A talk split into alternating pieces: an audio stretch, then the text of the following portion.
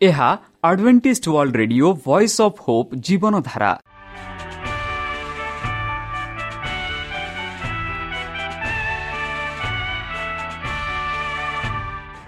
Odia radio କାର୍ଯ୍ୟକ୍ରମ ଯାହା ଆମର ଆନ୍ତର୍ଜାତୀୟ ଆଘାତ କେନ୍ଦ୍ରରୁ ପ୍ରସାରଣ କରାଯାଉଛି ପ୍ରତିଦିନ ରାତି ନଅଟା ତିରିଶ ମିନିଟ୍ରେ। ମୁଁ ସୁବ୍ରତ କୁମାର ପତି ପ୍ରେମର ସହ ଆପଣମାନଙ୍କୁ ଏହି କାର୍ଯ୍ୟକ୍ରମକୁ ସ୍ୱାଗତ କରୁଅଛି। ଚାଲନ୍ତୁ ଆଜିର ତିରିଶ ମିନିଟ୍ର କାର୍ଯ୍ୟକ୍ରମ ବିଷୟରେ ଜାଣିନେବା। ପ୍ରଥମେ ରଖିଛୁ ଆଧ୍ୟାତ୍ମିକ ଭକ୍ତିମୟ ଗୀତ। ଭକ୍ତଙ୍କଠାରୁ ଜୀବନଦାୟକ ଈଶ୍ୱରଙ୍କ ବାକ୍ୟ। ପ୍ରିୟ ଶ୍ରୋତା ତାହେଲେ ଚାଲନ୍ତୁ ଶୁଣିବା ଏକ ଆଧ୍ୟାତ୍ମିକ ଭକ୍ତିମୟ ଗୀତ।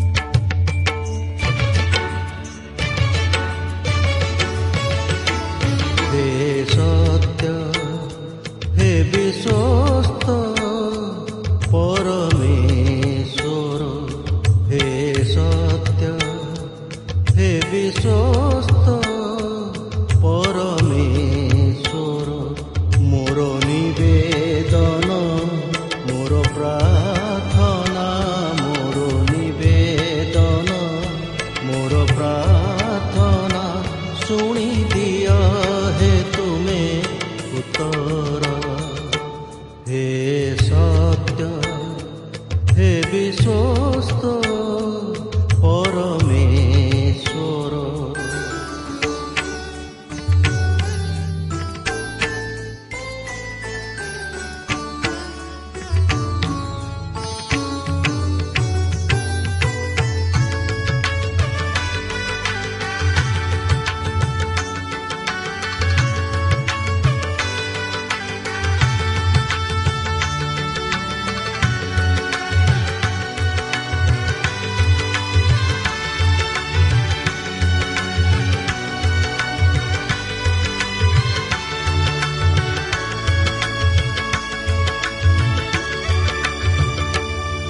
সমবিচার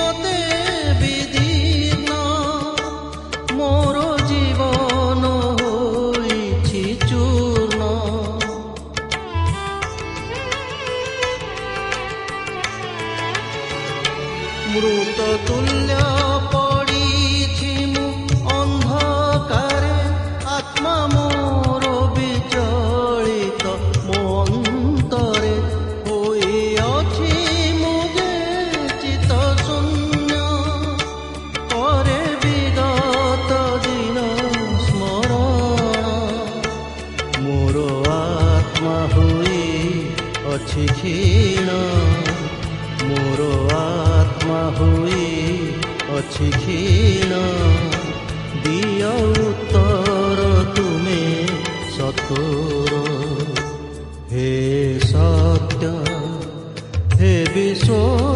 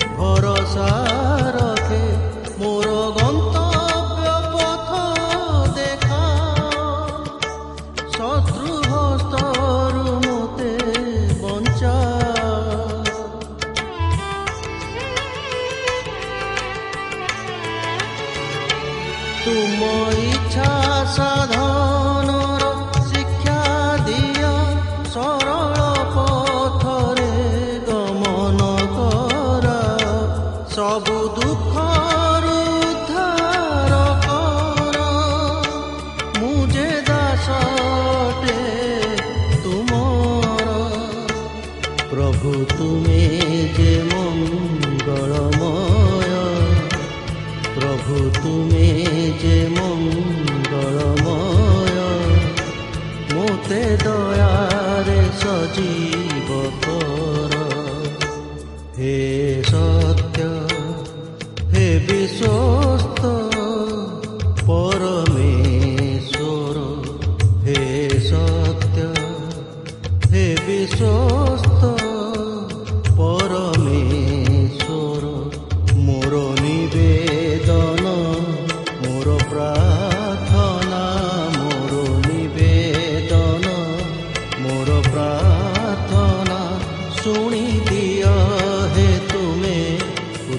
ଉତ୍ତର ହେ ସତ୍ୟ ହେ ବିଶ୍ୱସ୍ତ ପରମେଶ୍ୱର ହେ ସତ୍ୟ ହେ ବିଶ୍ୱସ୍ତ ପରମେଶ୍ୱର ଆମ ଠିକଣା Adventist media centre SDA mission compound Salisbury park Pune ଚାରି ଏକ ଏକ ଶୂନ ତିନି ସାତ ମହାରାଷ୍ଟ୍ର। ବା ଖୋଲନ୍ତୁ ଆମର ୱେବସାଇଟ୍ ଯେକୌଣସି Android phone smartphone desktop laptop କିମ୍ବା ଟ୍ୟାବ୍ଲେଟ୍ ଶରୀରର ଆମର ୱେବସାଇଟ୍ ଯତ୍ନକାରୀ ଡବ୍ଲ୍ୟୁ ଡବ୍ଲ୍ୟୁ ଡବ୍ଲ୍ୟୁ ଡଟ୍ ଦୁଇ। A W R dot O R G ନମସ୍କାର ପ୍ରିୟ ସ୍ଲାସ୍ ଶ୍ରୋତା। ଓ ଆର୍ ଆଇ ସେହି ଏବଂ ସର୍ବଶକ୍ତି ଡବ୍ଲ୍ୟୁ ଡବ୍ଲ୍ୟୁ ଡବ୍ଲ୍ୟୁ ଡଟ୍ ପ୍ରେମର ଆଡଭେଣ୍ଟିଷ୍ଟ ସାଗର, ମିଡିଆ ସେଣ୍ଟର ଦୟାମୟ ଇଣ୍ଡିଆ ଡଟ୍ ଅନ୍ତର୍ଜମୀ ଓ ଆର୍ ଜି ଅନୁଗ୍ରହ ପରମ ଆଡଭେଣ୍ଟିଷ୍ଟ ପିତାଙ୍କ ମିଡିଆ ମଧୁର ସେଣ୍ଟର ନାମରେ ଇଣ୍ଡିଆର ସ୍ପେଲିଂ ମୁଁ ହେଉଛି ପାଷ୍ଟର ଏ ଡି ପୂର୍ଣ୍ଣଚନ୍ଦ୍ର ଭିଇ ଆଉ ଏନ୍ ଥରେ ଟି ଆଇ ଏସ୍ ଆପଣମାନଙ୍କୁ ଟି ଏମ୍ ଏହି ଇ ଡି କାର୍ଯ୍ୟକ୍ରମରେ ଆଇ ବର୍ତ୍ତମାନ ଚାଲନ୍ତୁ ଶୁଣିବା ଈଶ୍ୱରଙ୍କ ଭକ୍ତଙ୍କ ଈଶ୍ୱରଙ୍କ ଜୀବନଦାୟକ ବାକ୍ୟ ଦୁଃଖ କଷ୍ଟ ବାଧା କ୍ଲେଶ ଓ ରୋଗରୁ ଦୂରେଇ ରଖନ୍ତୁ ଶତ୍ରୁ ଶୟତାନ ହସ୍ତରୁ ସେ ଆପଣଙ୍କୁ ସୁରକ୍ଷାରେ ରଖନ୍ତୁ ତାହାଙ୍କ ପ୍ରେମ ତାହାଙ୍କ ସ୍ନେହ ତାହାଙ୍କ କୃପା ତାହାଙ୍କ ଅନୁଗ୍ରହ ସଦାସର୍ବଦା ଆପଣଙ୍କଠାରେ ସହବର୍ତ୍ତୀ ରହୁ। ପ୍ରିୟସତା ଚାଲନ୍ତୁ ଆଜି ଆମ୍ଭେମାନେ କିଛି ସମୟ ପବିତ୍ର ଶାସ୍ତ୍ର ବାଇବଲଠୁ ତାହାଙ୍କ ଜୀବନଦାୟକ ବାକ୍ୟ ଧ୍ୟାନ କରିବା। ଆଜିର ଆଲୋଚନା ହେଉଛି ଶରୀରର ଯତ୍ନକାରୀ ଭାଗ ଦୁଇ। ଭାଗ ଏକ ଗତକାଲି ଆମେ ଆଲୋଚନା କରିଥିଲୁ କି ଆମେ କି ପ୍ରକାର ଆମ ଶରୀରର ଯତ୍ନ ନେବାର ଅଛି। ଯେହେତୁ ସେହି ଶରୀର ପରମେଶ୍ୱରଙ୍କର ମନ୍ଦିର ବୋଲି ଆମେ କାଲି ଦେଖିଲୁ। ଚାଲନ୍ତୁ ଆଜି ବିଶେଷ ଭାବରେ ଯାହା ଜହନ ପାଞ୍ଚ ଅଧ୍ୟାୟରେ ଆମେ ଦେଖୁଅଛୁ ଯେଉଁ ବ୍ୟକ୍ତି ଅଠତିରିଶ ବର୍ଷ ବର୍ଷରେ ସେ ସୁସ୍ଥ ହୋଇଛନ୍ତି ଆଉ ସେ ଅଠତିରିଶ ବର୍ଷରେ କିଏ ତାକୁ ସୁସ୍ଥ କଲେ ତାହା ବିଷୟରେ ଆମେ ଦେଖିବା। ଗତକାଲି ଏହା ଅଳ୍ପ କିଛି ଆମେ ଦେଖିଥିଲୁ। ତାହେଲେ ଚାଲନ୍ତୁ ଆଉ ଥରେ ଆମେ ଏହା ଦେଖିବା। ଏଠି ଆମେ ପାଉଛୁ ପାଞ୍ଚ ପର୍ବରେ କି ଏଥି ଉତ୍ତାରେ ଜିହୁଦୀ ମାନଙ୍କର ଗୋଟିଏ ପର୍ବ ପଡ଼ିଲା। ଆଉ ଯୀଶୁ ଜେରୁସାଲାମକୁ ଯାତ୍ରା କଲେ। ଜେରୁସାଲାମରେ ମେଷଦ୍ୱାର ନିକଟରେ ଗୋଟିଏ ପୁଷ୍କରଣୀୟ ଥିଲା। ଏବ୍ରି ଭାଷାରେ ତାହାକୁ ବେସଡ଼ା ବୋଲି କହନ୍ତି। ଆଉ ତାହାର ପାଞ୍ଚଟି ମଣ୍ଡପ ଥିଲା। ସେଗୁଡ଼ିକରେ ଅନେକ ଅନେକ ପୀଡ଼ିତ ଅନ୍ଧ ଖଞ୍ଜି ଓ ସୁଶାଙ୍କ ପଡ଼ି ରହୁଥିଲେ। ଆଉ ସେମାନେ ଜଳସଞ୍ଚନ ଅପେକ୍ଷାରେ ଜଗି ରହୁଥିଲେ। କାରଣ କୌଣସି କୌଣସି ସମୟରେ ପ୍ରଭୁଙ୍କର ଜଣେ ଦୂତ ପୁଷ୍ପରଣୀୟରେ ଅବତରଣ କରି ଜଳ କମ୍ପାଉଥିଲେ। ଆଉ ଜଳ କମ୍ପିଲା ପରେ ଯେ କେହି ପ୍ରଥମରେ ସେଥିରେ ପ୍ରବେଶ କରୁଥିଲା ଯେ ସେ ଯେକୌଣସି ରୋଗରେ ଆକ୍ରାନ୍ତ ଥିଲା ଆଉ ସେହି ବ୍ୟକ୍ତି ସେହି ସମୟରେ ବା ସେହି ସମୟରେ ସୁସ୍ଥ ହୋଇଯାଉଥିଲା। ଆମେ ଦେଖୁଛୁ ସେହି ସମୟରେ ସେଠାରେ ଜଣେ ଅଠତିରିଶ ବର୍ଷ ବଧି ରୋଗଗ୍ରସ୍ତ ଜଣେ ଲୋକ ଥିଲା। ଯୀଶୁ ତାଙ୍କୁ ପଡ଼ି ରହିଥିବା ଦେଖି ବହୁ କାଳର ରୋଗୀ ବୋଲି ଜାଣି ତାକୁ ପଚାରିଲେ ତୁମ୍ଭେ କ'ଣ ସୁସ୍ଥ ହେବାକୁ ଇଚ୍ଛା କରୁଅଛ? ଏହିପରି ଯୀଶୁ ସେହି ରୋଗୀକୁ ପଚାରିଲେ। ଆଉ ରୋଗୀଟି ତାହାକୁ ଉତ୍ତର ଦେଲା ମହାଶୟ ଜଳ କମ୍ପିବା ସମୟରେ ମୋତେ ପୋଖରୀ ଭିତରକୁ ଘେନିଯିବା ପାଇଁ ମୋର କେହି ସାହାଯ୍ୟକାରୀ ନାହାନ୍ତି। ଆଉ ମୁଁ ଯାଉ ଯାଉ ଅନ୍ୟ ଜଣେ ମୋ ଆଗରୁ ପଶି ଯାଉ ଅଛନ୍ତି। ତେବେ ଯୀଶୁ ତାକୁ କହିଲେ ଉଠ ତୁମ୍ଭର ଖଟିଆ ଘେନି ଚାଲ। ମନେ ରଖନ୍ତୁ ବନ୍ଧୁ ସେହି କ୍ଷଣି ସେ ଲୋକଟି ସୁସ୍ଥ ହେଲା ଓ ଆପଣା ଖଟିଆ ଘେନି ଚାଲିବାକୁ ଲାଗିଲା। ସେ ଦିନ ବିଶ୍ରାମ ଦିନ ଥିଲା ବନ୍ଧୁ ଯେଉଁ ଦିନରେ ଏହି କାର୍ଯ୍ୟ ଘଟିଥିଲା ଯେଉଁ ଦିନେ ପରମେଶ୍ୱର ସେହି ବ୍ୟକ୍ତିକୁ ଏହିପରି କହିଥିଲେ ଆଉ ସେତେବେଳେ ଜୁହୁଦୀମାନେ ସୁସ୍ଥ ହେଉଥିବା ଲୋକକୁ କହିବାକୁ ଲାଗିଲେ ଆଜି ବିଶ୍ରାମ ବାର ଖଟିଆ ବହି ନେଇଯିବାର ତୁମର ବିଧି ସଙ୍କତ ନୁହେଁ କି ବୋଲି ସେମାନେ ପ୍ରଶ୍ନ ପଚାରିଲେ ମାତ୍ର ସେ ସେମାନଙ୍କୁ ଉତ୍ତର ଦେଲା ଯେ ମୋତେ ସୁସ୍ଥ କଲେ ସେ ମୋତେ କହିଲେ ତୁମର ଖଟିଆ ଘେନି ଚାଲ। ସେ ମାନେ ତାକୁ ପଚାରିଲେ ତୁମର ଖଟିଆ ଘେନି ଚାଲ ବୋଲି ଯେ ତୁମକୁ କହିଲା ସେ ଲୋକ କିଏ? କିନ୍ତୁ ସେ କିଏ ତାହା ସେହି ସୁସ୍ଥ ହୋଇଥିବା ଲୋକ ଜାଣିନଥିଲା ବନ୍ଧୁ। କାରଣ ସେ ସ୍ଥାନରେ ବହୁତ ଲୋକ ଥିବାରୁ ଯୀଶୁ ଆଗଚରେ ଚାଲି ଯାଇଥିଲେ ଏହାପରେ ଯୀଶୁ ମନ୍ଦିରରେ ତାହା ଦେଖା ପାଇ ତାକୁ କହିଲେ ଦେଖ ତୁମ୍ଭେ ସୁସ୍ଥ ହୋଇଅଛ। ଆଉ ପାପ କର ନାହିଁ। ଯେପରି ତୁମେ ପ୍ରତି ତୁମ୍ଭ ପ୍ରତି ଅଧିକ ଦୁର୍ଦଶା ନ ଘଟେ ଏହିପରି ଯୀଶୁ ସେହି ବ୍ୟକ୍ତିକୁ କହିଲେ। ସେହି ଲୋକ ଚାଲିଯାଇ ଯେ ତାକୁ ସୁସ୍ଥ କରିଥିଲେ ସେ ଯୀଶୁ ବୋଲି ଜୁହୁଦୀମାନଙ୍କୁ କହିଲେ। ତେଣୁ ଯୀଶୁ ବିଶ୍ରାମ ବାରରେ ଏହା କରୁଥିବାରୁ ଜିହୁଦୀମାନେ ତାହାକୁ ତାଡ଼ନା କରିବାକୁ ଲାଗିଲେ। ବନ୍ଧୁ ମାତ୍ର ସେ ସେମାନଙ୍କୁ ଉତ୍ତର ଦେଲେ ମୋହର ପିତା ଏପର୍ଯ୍ୟନ୍ତ କାର୍ଯ୍ୟ କରୁଅଛନ୍ତି ଆଉ ମୁଁ ମଧ୍ୟ କରୁଅଛେ। ଏହି କାରଣରୁ ଜୁହୁଦୀମାନେ ତାହାଙ୍କୁ ବୋଧ କରିବା ନିମନ୍ତେ ଆହୁରି ଅଧିକ ଚେଷ୍ଟା କରିବାକୁ ଲାଗିଲେ। ଯେଣୁ ସେ ଯେ ବିଶ୍ରାମବାରର ବିଧି ଲଙ୍ଘନ କରୁଥିଲେ କେବଳ ତାହା ନୁହେଁ ବନ୍ଧୁ ମାତ୍ର ଈଶ୍ୱରଙ୍କୁ ଆପଣା ପିତା ବୋଲି କହି ନିଜକୁ ଈଶ୍ୱରଙ୍କ ସହିତ ସମାନ କରୁଥିଲେ ଏଥି କାରଣରୁ ସେମାନେ ଯୀଶୁଙ୍କୁ ଘୃଣା କରୁଥିଲେ। ବନ୍ଧୁ ତେଣୁ ଯୀଶୁ ସେମାନଙ୍କୁ ଉତ୍ତର ଦେଲେ ସତ୍ୟ ସତ୍ୟ ମୁଁ ତୁମାନଙ୍କୁ କହୁଅଛି। ପୁତ୍ର ପିତାଙ୍କ ଯାହା କହୁଥିବା ଦେଖନ୍ତି ତାହା ଛଡ଼ା ସେ ଆପଣରୁ କିଛି ହିଁ କରିପାରନ୍ତି ନାହିଁ। କାରଣ ସେ ଯାହା ଯାହା କରନ୍ତି ପୁତ୍ର ମଧ୍ୟ ସେହି ସବୁ ସେ ପ୍ରକାରେ କରନ୍ତି। କାରଣ ପିତା ପୁତ୍ରଙ୍କୁ ସ୍ନେହ କରନ୍ତି। ପୁଣି ଆପେ ଯାହା ଯାହା କରନ୍ତି ସେହି ସବୁ ତାହାଙ୍କୁ ଦେଖାନ୍ତି। ଆଉ ତୁମ୍ଭେମାନେ ଯେପରି ଚମତ୍କୃତ ହୁଅ ଏଥି ନିମନ୍ତେ ସେ ତାହାକୁ ଏହାଠାରୁ ଆହୁରି ମହତ୍ଵ ମହତ୍ଵ କର୍ମ ଦେଖାଇବେ ଏହିପରି ଯୀଶୁ କହିଲେ। ପୁଣି ପିତା ଯେ ପ୍ରକାରେ ମୃତ୍ୟୁମାନଙ୍କୁ ଉଦ୍ଧାର ଉତ୍ପାଦନ କରି ସଜୀବ କରନ୍ତି ସେହି ପ୍ରକାରେ ପୁତ୍ର ମଧ୍ୟ ଯାହା ଯାହାକୁ ଇଚ୍ଛା ସେମାନଙ୍କୁ ସଜୀବ କରନ୍ତି ବୋଲି ସେ କହିଲେ। ପୁଣି ପିତା ମଧ୍ୟ କାହାରି ବିଚାର କରନ୍ତି ନାହିଁ ମାତ୍ର ସମସ୍ତେ ପିତାଙ୍କୁ ଯେଉଁ ପ୍ରକାରେ ସମାଧାର କରନ୍ତି ସେହି ପ୍ରକାରେ ପୁତ୍ରଙ୍କୁ ମଧ୍ୟ ଯେପରି ସମାଧାର କରିବେ ସେଥି ନିମନ୍ତେ ପୁତ୍ରଙ୍କୁ ସମସ୍ତ ବିଚାର କରିବାର ଅଧିକାର ଦେଇଅଛନ୍ତି।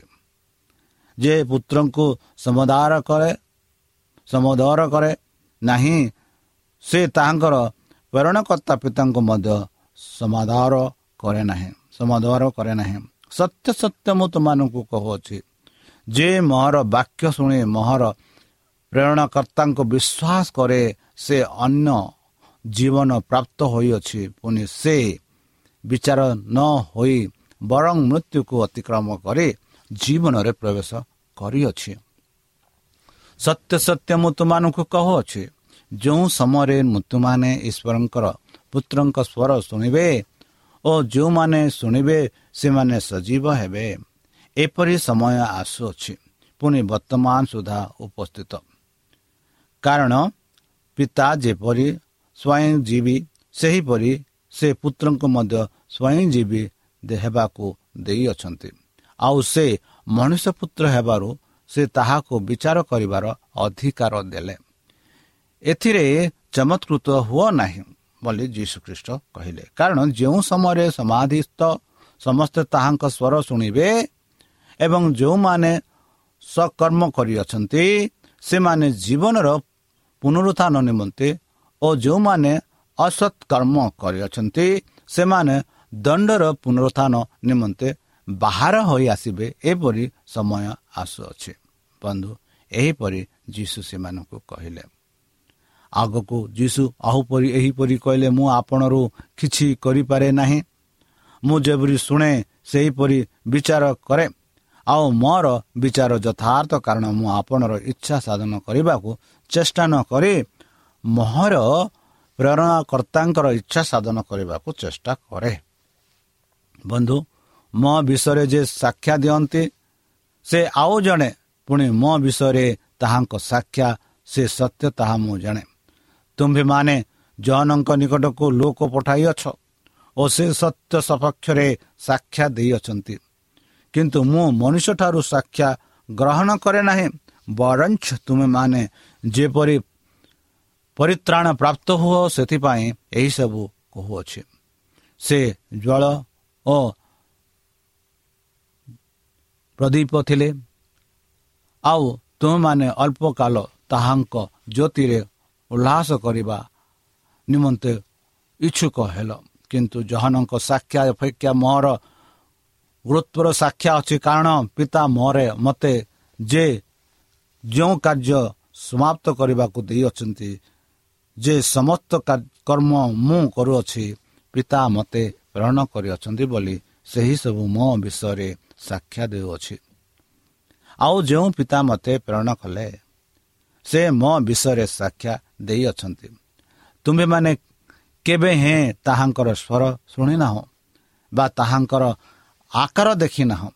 ପୁଣି ତାହାଙ୍କ ବାକ୍ୟ ତୁମମାନଙ୍କ ଅନ୍ତରରେ ସ୍ଥାନ ପାଇନାହିଁ। କାରଣ ସେ ଯାହାଙ୍କୁ ପ୍ରେରଣ କଲେ ତାହାଙ୍କୁ ତୁମମାନେ ବିଶ୍ୱାସ କରୁନାହୁଁ। ତୁମେମାନେ ଧର୍ମଶାସ୍ତ୍ର ଅନୁସନ୍ଧାନ କରୁଅଛ। କାରଣ ସେଥିରୁ ଅନଜୀବନ ପ୍ରାପ୍ତ ହୋଇଅଛ ବୋଲି ମନେ କରୁଅଛ। ଆଉ ସେହି ଧର୍ମଶାସ୍ତ୍ର ମୋ ବିଷୟରେ ସାକ୍ଷ୍ୟ ଦେଉଅଛି। କିନ୍ତୁ ତୁମ୍ଭେମାନେ ଜୀବନ ପ୍ରାପ୍ତ ହେବା ନିମନ୍ତେ ମୋ ନିକଟକୁ ଆସିବାକୁ ଇଚ୍ଛା କରୁନାହୁଁ। ମୁଁ ମଣିଷମାନଙ୍କ ଠାରୁ ଗୌରବ ଗ୍ରହଣ କରେ ନାହିଁ। ମାତ୍ର ମୁଁ ତୁମମାନଙ୍କଠୁ ତୁମମାନଙ୍କୁ ଜାଣିଅଛି। ତୁମ୍ଭେମାନଙ୍କ ତୁମମାନଙ୍କ ଅନ୍ତରରେ ଈଶ୍ୱରଙ୍କ ପ୍ରେମ ନାହିଁ। ମୁଁ ମୋହର ପିତାଙ୍କ ନାମରେ ଆସିଅଛି। ଆଉ ତୁମ୍ଭେମାନେ ତ ମୋତେ ଗ୍ରହଣ କରୁନାହୁଁ। ଅନ୍ୟ ଜଣେ ଯଦି ନିଜ ନାମରେ ଆସିବ ତେବେ ତୁମେମାନେ ତାହାଙ୍କୁ ଗ୍ରହଣ କରିବ। ତୁମେମାନେ କିପରି ବିଶ୍ୱାସ କରିପାର? ତୁମେମାନେ ନ ପରସ୍ପର ଠାରୁ ଗୌରବ ଗ୍ରହଣ କରୁଅଛ। ପୁଣି ଏକମାତ୍ର ଈଶ୍ୱରଙ୍କ ଠାରୁ ଯେଉଁ ଗୌରବ ତାହା ପାଇବା ପାଇଁ ଚେଷ୍ଟା କରୁନାହୁଁ। ମୁଁ ଯେ ପିତାଙ୍କ ଛାମୁରେ ତୁମମାନଙ୍କୁ ବିରୁଦ୍ଧରେ ଅଭିଯୋଗ କରିବି ଏହା ମନେ କର ନାହିଁ ଯେଉଁ ମଉସାଙ୍କଠାରେ ତୁମେମାନେ ଭରସା ରଖିଅଛ ସେ ତୁମମାନଙ୍କ ବିରୁଦ୍ଧରେ ଅଭିଯୋଗ କରୁଅଛନ୍ତି। ଯଦି ମଉସାଙ୍କୁ ବିଶ୍ୱାସ କରନ୍ତୁ କରନ୍ତ ତେବେ ମୋତେ ବିଶ୍ୱାସ କରନ୍ତ। ତେଣୁ ଯେ ମୋ ବିଷୟରେ ଲେଖିଅଛନ୍ତି କିନ୍ତୁ ତୁମେମାନେ ଯଦି ତାହାଙ୍କ ଲିଖିତ ବାକ୍ୟ ବିଶ୍ୱାସ କରୁନାହୁଁ ତେବେ କିପରି ମୋହର ବାକ୍ୟ ବିଶ୍ୱାସ କରିବ? ବନ୍ଧୁ ଶରୀର ଯେଉଁ ଶରୀରକୁ ପରମେଶ୍ୱର ସୃଷ୍ଟି କରିଥିଲେ ଯେଉଁ ଶରୀରକୁ ପରମେଶ୍ୱର ଆପଣା ଜୀବନ ପ୍ରଦାନ ଦେଇଥିଲେ ସେହି ଶରୀରକୁ ଆଉ ଫେରସ୍ତ କରିବା ପାଇଁ ଯୀଶୁଖ୍ରୀଷ୍ଟ ଏହି ପୃଥିବୀକୁ ଆସିଥିଲେ। ଯେଉଁ ବ୍ୟକ୍ତି ଅଠତିରିଶ ବର୍ଷ ସେହି ପୋଖରୀ ଚାରିପାଟେ ଥିଲେ ଆଉ ସେହି ବ୍ୟକ୍ତିକୁ ସେହି ଜୀବନ ପରମେଶ୍ୱର ଦେଲେ। ସେହି ଶରୀରକୁ ଆଉ ଥରେ ଶକ୍ତି ପ୍ରଦାନ କଲେ। ଆଉ ଯେବେ ଯୀଶୁଖ୍ରୀଷ୍ଟ ଏହିପରି କଲେ ସେହି ଜିଉଦୀମାନେ ଅନେକ ପ୍ରକାର ପ୍ରଶ୍ନ କରିଥିଲେ। ବତ ମଧ୍ୟ ଆମେ ଯେ କେହି ଯୀଶୁଙ୍କ ନାମରେ ଯଦି ସୁସ୍ଥ ହୋଇଛି ତାଙ୍କ ବିରୁଦ୍ଧରେ ଅନେକ କଥା କହିଥାଉ। ତାହାଙ୍କ କଥାରେ ବିଶ୍ୱାସ ନ କରି ଯୀଶୁଙ୍କ ଠାରେ ବିଶ୍ୱାସ ନ କରି ଆମେ ଅନେକ ପ୍ରକାର କହିଥାଉ। ଯେପରିକି ଯୀଶୁଙ୍କ ସମୟରେ ଏହିପରି ହୋଇଥିଲା। ଯେପରି ଆମେ ରୋମିଓ ବାର ଏକରେ ପାଉଅଛୁ ଅତବ ହେ ଭାଇମାନେ ତୁମମାନଙ୍କୁ ଈଶ୍ୱରଙ୍କ ଦୟା ହେତୁ ବିନତି କରୁଅଛି। ତୁମେମାନେ ଆପନା ଆପନା ଶରୀରକୁ ସଜୀବ ପବିତ୍ର ଓ ଈଶ୍ୱରଙ୍କ ସୁଗ୍ରାହ୍ୟ ବଳି ରୂପେ ଉତ୍ସର୍ଗ କର। ଏହା ତ ତୁମମାନଙ୍କ ଯୁକ୍ତିଯୁକ୍ତ ଉପାସନା। ବନ୍ଧୁ କେଡ଼େ ସୁନ୍ଦର ଭାବରେ ଆମେ ଦେଖୁଅଛୁ। ସାଧୁ ପାଉଲ ଜାଣିଥିଲେ। ଆଉ ଏହିସବୁ ପରମେଶ୍ୱର ସେମାନଙ୍କୁ ପ୍ରେରଣ କରିଥିଲେ। ଆଉ ସେ କହନ୍ତି ଅତ ଏବେ ହେ ଭାଇମାନେ ତୁମମାନଙ୍କୁ ଈଶ୍ୱରଙ୍କ ଦୟା ହେତୁ ବିନତି କରୁଅଛି କି ଆପଣା ଆପଣା ଶରୀରକୁ ସଜୀବ ପବିତ୍ର ଯେପରି ସେହି ଶରୀରକୁ ଈଶ୍ୱର ଗ୍ରାହ୍ୟ କରି ଏକ ବଳି ରୂପେ ଉତ୍ସର୍ଗ କର ଯେପରି ସେହି ଶରୀରକୁ ପରମେଶ୍ୱର ଗ୍ରହଣ କରିବେ। ତାହା ନୁହେଁ ଏହା ତ ତୁମମାନଙ୍କର ଯୁକ୍ତିଯୁକ୍ତ ବୋଲି ସେ କହୁଛନ୍ତି। ଏହା ତୁମମାନଙ୍କ ଏକ ଉପାସନା ବୋଲି କହୁଛନ୍ତି। ତାହେଲେ ପ୍ରିୟ ଶ୍ରୋତା ଯେଉଁ ଶରୀର ପରମେଶ୍ୱର ମାନଙ୍କୁ ଦେଇଅଛନ୍ତି ସେହି ଶରୀରକୁ ଆମେ କେଡ଼େ ସୁନ୍ଦର ଭାବରେ ଯତ୍ନ ନେବାର ଉଚିତ? ଆଉ ସେହି ଶରୀରକୁ ନଷ୍ଟ ନ କରି ସୁରକ୍ଷିତ ରଖି ତାକୁ ଭଲ ଦେଖଭାଲ କରିବାର ଉଚିତ। ଆଦି ଏକ ଅଣତିରିଶ ପରମେଶ୍ୱର କହିଲେ ଏହିପରି। ପରମେଶ୍ୱର ଆହୁରି କହିଲେ ଦେଖ ଆମ୍ଭେ ଭୂମିସ୍ଥ ସବୁ ସଜୀବ ଶାକ ଓ ସବୁ ସଜୀବ ଫଳଦାୟକ ବୃକ୍ଷ ତୁମମାନଙ୍କୁ ଦେଲୁ। ଯାହା ତୁମମାନଙ୍କର ଖାଦ୍ୟ ହେବ। ଦେଖ ବନ୍ଧୁ ପରମେଶ୍ୱର ଯେବେ ପରମେଶ୍ୱର ଯେବେ ମଣିଷକୁ ସୃଷ୍ଟି କଲା ଆପଣା ପ୍ରତି ରୂପେ ସେମାନଙ୍କୁ ଆହାର ମଧ୍ୟ ପ୍ରଦାନ କଲେ। ଆଉ ସେଇ ଆହାର ଥିଲା ଯାହା ଆମେ ପାଉଅଛୁ ଆଦି ପୁସ୍ତକ ଏକ ଅଣତିରିଶରେ। ପରମେଶ୍ୱର ଆହୁରି କହିଲେ ଦେଖ ଆମେ ଭୂମିସ୍ଥ ସବୁ ସଜୀବ ଆମେ ଆଜିକାଲି କହୁଛୁ ଭେଜିଟେରିଆନ୍ ନନ୍ ଭେଜିଟେରିଆନ୍ ହେଲେ ମାଂସ ଯେ ଖାଆନ୍ତି ତାକୁ ନନ୍ ଭେଜିଟେରିଆନ୍ କହନ୍ତି। ଆଉ ଯେ ମାଂସ ଖାଏ ନାହିଁ ତାକୁ କହନ୍ତି ଭେଜିଟେରିଆନ୍ ମାନେ ଏଠି ସଜୀବ ଅସଜୀବ। ଏଠି ସଦାପ୍ରଭୁ ପରମେଶ୍ୱର କହିଲେ କି ଭୂମସ୍ଥ ସବୁ ସଜୀବ ଶାକ ଓ ସବୁ ସଜୀବ ଫଳଦାୟକ ବୃକ୍ଷ ତୁମମାନଙ୍କୁ ଦେଲୁ। ତାହା ତୁମମାନଙ୍କର ଖାଦ୍ୟ ହେବ। ସଜୀବ ଶାକ ଓ ଫଳଦାୟକ ବୋଲି କହିଲେ। ଜନ୍ତୁ ବୋଲି କହିନାହାନ୍ତି କି ପଶୁ ବୋଲି କହିନାହାନ୍ତି। ମାତ୍ର ଆଜିକାଲି ଅଧିକାଂଶ ଲୋକ ଅଛନ୍ତି। ଅଧିକାଂଶ ଖ୍ରୀଷ୍ଟିଆନ ମାନେ ମଧ୍ୟ ମାଂସ ବିନା ମାଛ ବିନା ସେଇ ଦିନ ଗତି ହୋଇନଥାଏ। ଏଠି ପରମେଶ୍ୱର କେତେ ସୁନ୍ଦର ଭାବରେ କହନ୍ତି କି ତୁମମାନଙ୍କ ପାଇଁ ସଜୀବ ଫଳଦାୟକ ଦେଉଛି ଆଉ ସଜୀବ ଶାକ ମାନେ ଯାହା ଶାଗ ଡାଲି ଭାତ ଏସବୁ ଫଳ ଅମୃତ ଭଣ୍ଡା ଆଉ ନଡ଼ିଆ କଦଳୀ ବା ଯାହା ଯାହା ଆମେ ଦେଖୁଛୁ ଫଳ ସେଇ ସବୁ ଆମର ଖାଦ୍ୟ ବୋଲି ପରମେଶ୍ୱର କହିଲେ। ମାତ୍ର ବର୍ତ୍ତମାନ ଏହିସବୁ ଆମେ ନ ଖାଇ ଯେଉଁ ଜିନିଷକୁ ପରମେଶ୍ୱର ମନା କରିଛନ୍ତି ସେହି ଜିନିଷକୁ ଆମେ ଖାଇଥାଉ। ଯେହେତୁ ପରମେଶ୍ୱର କହନ୍ତି ଆଉ ସାଧୁପାଲ ଯେପରି କହିଲେ କି ଆମର ଶରୀରକୁ ଆମେ ପବିତ୍ର ରୂପେ ରଖିବାର ଉଚିତ। ଯେହେତୁ ଯେବେ ଆମେ ପବିତ୍ର ରୂପେ ରଖିବା ସେତେବେଳେ ହିଁ ପରମେଶ୍ୱର ଆମର ଶରୀରକୁ ଗ୍ରହଣ କରିବେ। ଆଉ ଯେବେ ଆମ ସେହି ଶରୀରକୁ ପରମେଶ୍ୱରଙ୍କ ଠାରେ ଉତ୍ସର୍ଗ କରିବା ସେତେବେଳେ ପରମେଶ୍ୱର ତାକୁ ଗ୍ରହଣ କରିବେ। ଏହା ତ ତୁମମାନଙ୍କ ଯୁକ୍ତିଯୁକ୍ତ ଉପାସନା ବୋଲି ସାଧୁପାଲ କହନ୍ତି। ସେହିପରି ଦ୍ୱିତୀୟ ବିବରଣ ଚଉଦ ଦୁଇ ତିନିରେ ମଶା ଇସ୍ରାଏଲ ପ୍ରଜାମାନଙ୍କୁ କହୁଛନ୍ତି ଆଉ ସେହି କଥା ଆମମାନଙ୍କୁ ଆମମାନ ପାଖକୁ ଆସୁଅଛି। ସେ କହନ୍ତି କାରଣ ତୁମେ ସଦାପ୍ରଭୁ ତୁମ ପରମେଶ୍ୱରଙ୍କ ପବିତ୍ର ଲୋକ। ଆମେ ସଦାପ୍ରଭୁ ପରମେଶ୍ୱରଙ୍କର ପବିତ୍ର ଲୋକ। ପୁଣି ପୃଥିବୀସ୍ଥ ସମସ୍ତ ଗୋଷ୍ଠୀରୁ ତୁମକୁ ଆପଣାର ସଞ୍ଚିତ ଧନ କରିବା ନିମନ୍ତେ ସଦାପ୍ରଭୁ ତୁମକୁ ମନୋନୀତ କରିଅଛନ୍ତି। ତୁମେ କୌଣସି ଘୃଣାଯୋଗ୍ୟ ଦ୍ରବ୍ୟ ଭୋଜନ କରିବ ନାହିଁ। ବନ୍ଧୁ କେଡ଼େ ସୁନ୍ଦର ଭାବରେ ପରମେଶ୍ୱର ଆପଣା ଇସ୍ରାଏଲ ଆପଣା ପ୍ରଜାମାନଙ୍କୁ ତାହାଙ୍କ ଦାସଙ୍କ ଦ୍ୱାରା କହୁଛନ୍ତି କି କୌଣସି ଘୃଣଯୋଗ୍ୟ ଦ୍ରବ୍ୟ ଭୋଜନ କରିବ ନାହିଁ। କୌଣସି ଘୃଣଯୋଗ୍ୟ ଯାହା ଖାଇବାର ଆବଶ୍ୟକ ନାହିଁ ଯାହା ଶରୀରକୁ ନଷ୍ଟ କରେ ଯାହା ଆମକୁ ଲାଭ କାରଣ ନାହିଁ ଯାହା ଆମ ଶରୀରକୁ କ୍ଷତି କରେ ସେହି ଜିନିଷ ଖାଇବାର ଆବଶ୍ୟକ ନାହିଁ ବୋଲି ମଶାଙ୍କ ଦ୍ୱାରା ସଦାପ୍ରଭୁ ପରମେଶ୍ୱର ଆପଣ ଇସ୍ରାଏଲ ପ୍ରଜାମାନଙ୍କୁ କହୁଛନ୍ତି। ଆଉ ସେହି କଥା ବର୍ତ୍ତମାନ ଆମମାନଙ୍କୁ ବି କହୁଛନ୍ତି ବନ୍ଧୁ କି ଆମର ଶରୀର ହେଉଛି ପବିତ୍ର। ଆଉ ସେହି ପବିତ୍ର ଶରୀରକୁ ଯେହେତୁ ଆମେ ପବିତ୍ର ସେଥି କାରଣରୁ ପରମେଶ୍ୱର ଆମମାନଙ୍କୁ ମନୋନୀତ କରିଛନ୍ତି। ଯେହେତୁ ପରମେଶ୍ୱର ଆମମାନଙ୍କୁ ମନୋନୀତ କରିଛନ୍ତି ପରମେଶ୍ୱର ଚାହାନ୍ତି ଯେ ଆମମାନେ ଯେକୌଣସି ଘୃଣାଯୋଗ୍ୟ ଦ୍ରବ୍ୟ ଭୋଜନ କରିବା ଉଚିତ ନାହିଁ। ଯେହେତୁ ଯେଉଁ ଶରୀର ପରମେଶ୍ୱର ଆମମାନଙ୍କୁ ପ୍ରଦାନ କରିଛନ୍ତି ସେହି ଶରୀର ହେଉଛନ୍ତି ହେଉଛି ପରମେଶ୍ୱରଙ୍କ ପବିତ୍ର ଆତ୍ମାଙ୍କର ମନ୍ଦିର। ଆଉ ସେହି ମନ୍ଦିରରେ ପବିତ୍ର ଆତ୍ମା ବାସ କରନ୍ତି। ଆଉ ଯେବେ ପବିତ୍ର ଆତ୍ମା ବାସ କରନ୍ତି ଯଦି ଆମେ ଘୃଣାଯୋଗ୍ୟ ଦ୍ରବ୍ୟ ଭୋଜନ କରିବା ତେବେ ସେହି ପବିତ୍ର ସ୍ଥାନରୁ ସେହି ପବିତ୍ର ଆତ୍ମା ଚାଲିଯିବ। ଆଉ ମନ୍ଦ ଆତ୍ମା ରାଜତ୍ୱ କରିବ। ତାହେଲେ କ'ଣ ଆପଣମାନେ ଚାହାନ୍ତି ସେହି ମନ୍ଦ ଆତ୍ମା ଆପଣଙ୍କ ହୃଦୟ ରାଜତ୍ୱ କରୁ? ନା ନା। ତାହେଲେ ବନ୍ଧୁ ଚାଲନ୍ତୁ। ଆମ ଶରୀରକୁ ସେହି ପରମ ପିତାଙ୍କ ଠାରେ ସମର୍ପିତ କରିବା ଯିଏକି ଆମ ଶରୀର ସେହି ପରମ ପିତାଙ୍କ ପରମ ପବିତ୍ର ଆତ୍ମା ଯେପରି ବାସ କରିପାରିବ। ତାହେଲେ ଚାଲନ୍ତୁ ନିଜକୁ ସମର୍ପଣ କରି ତାହାଙ୍କ ମଧୁର ନାମରେ ଆମେ ପ୍ରାର୍ଥନା ଉତ୍ସର୍ଗ କରିବା।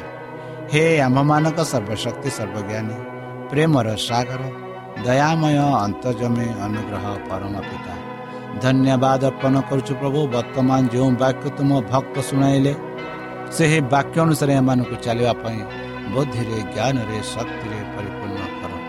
ଆମ ପାପ ସବୁ ତୁମ ସେହି ବହୁମୂଲ୍ୟ ରକ୍ତରେ ପରିଷ୍କାର ରୂପେ ଧୋଇ ଦିଅ ଆଉ ପରିଶେଷ ଯେବେ ତୁମ୍ଭେ ତୁମ ସେହି ସହସ୍ର ଦୂତଙ୍କ ସହ ଆସିବେ ସେତେବେଳେ ଆମମାନଙ୍କୁ ଏକ ବାସ ସ୍ଥାନ ଦିଅ ବୋଲି ତ୍ରାଣକର୍ତ୍ତା ପ୍ରଭୁ ଯୀଶୁଙ୍କ ମଧୁରମୟ ନାମରେ ଏହି ଛୋଟ ବିକ୍ଷମା ଅଛି তুমি ଗ୍ରହଣ କର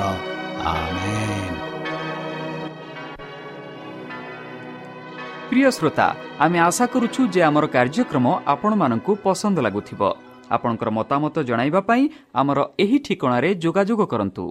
ଆମ ଠିକଣା Adventist media centre SDA mission compound Salisbury park Pune ଚାରି ଏକ ଏକ ଶୂନ ତିନି ସାତ ମହାରାଷ୍ଟ୍ର।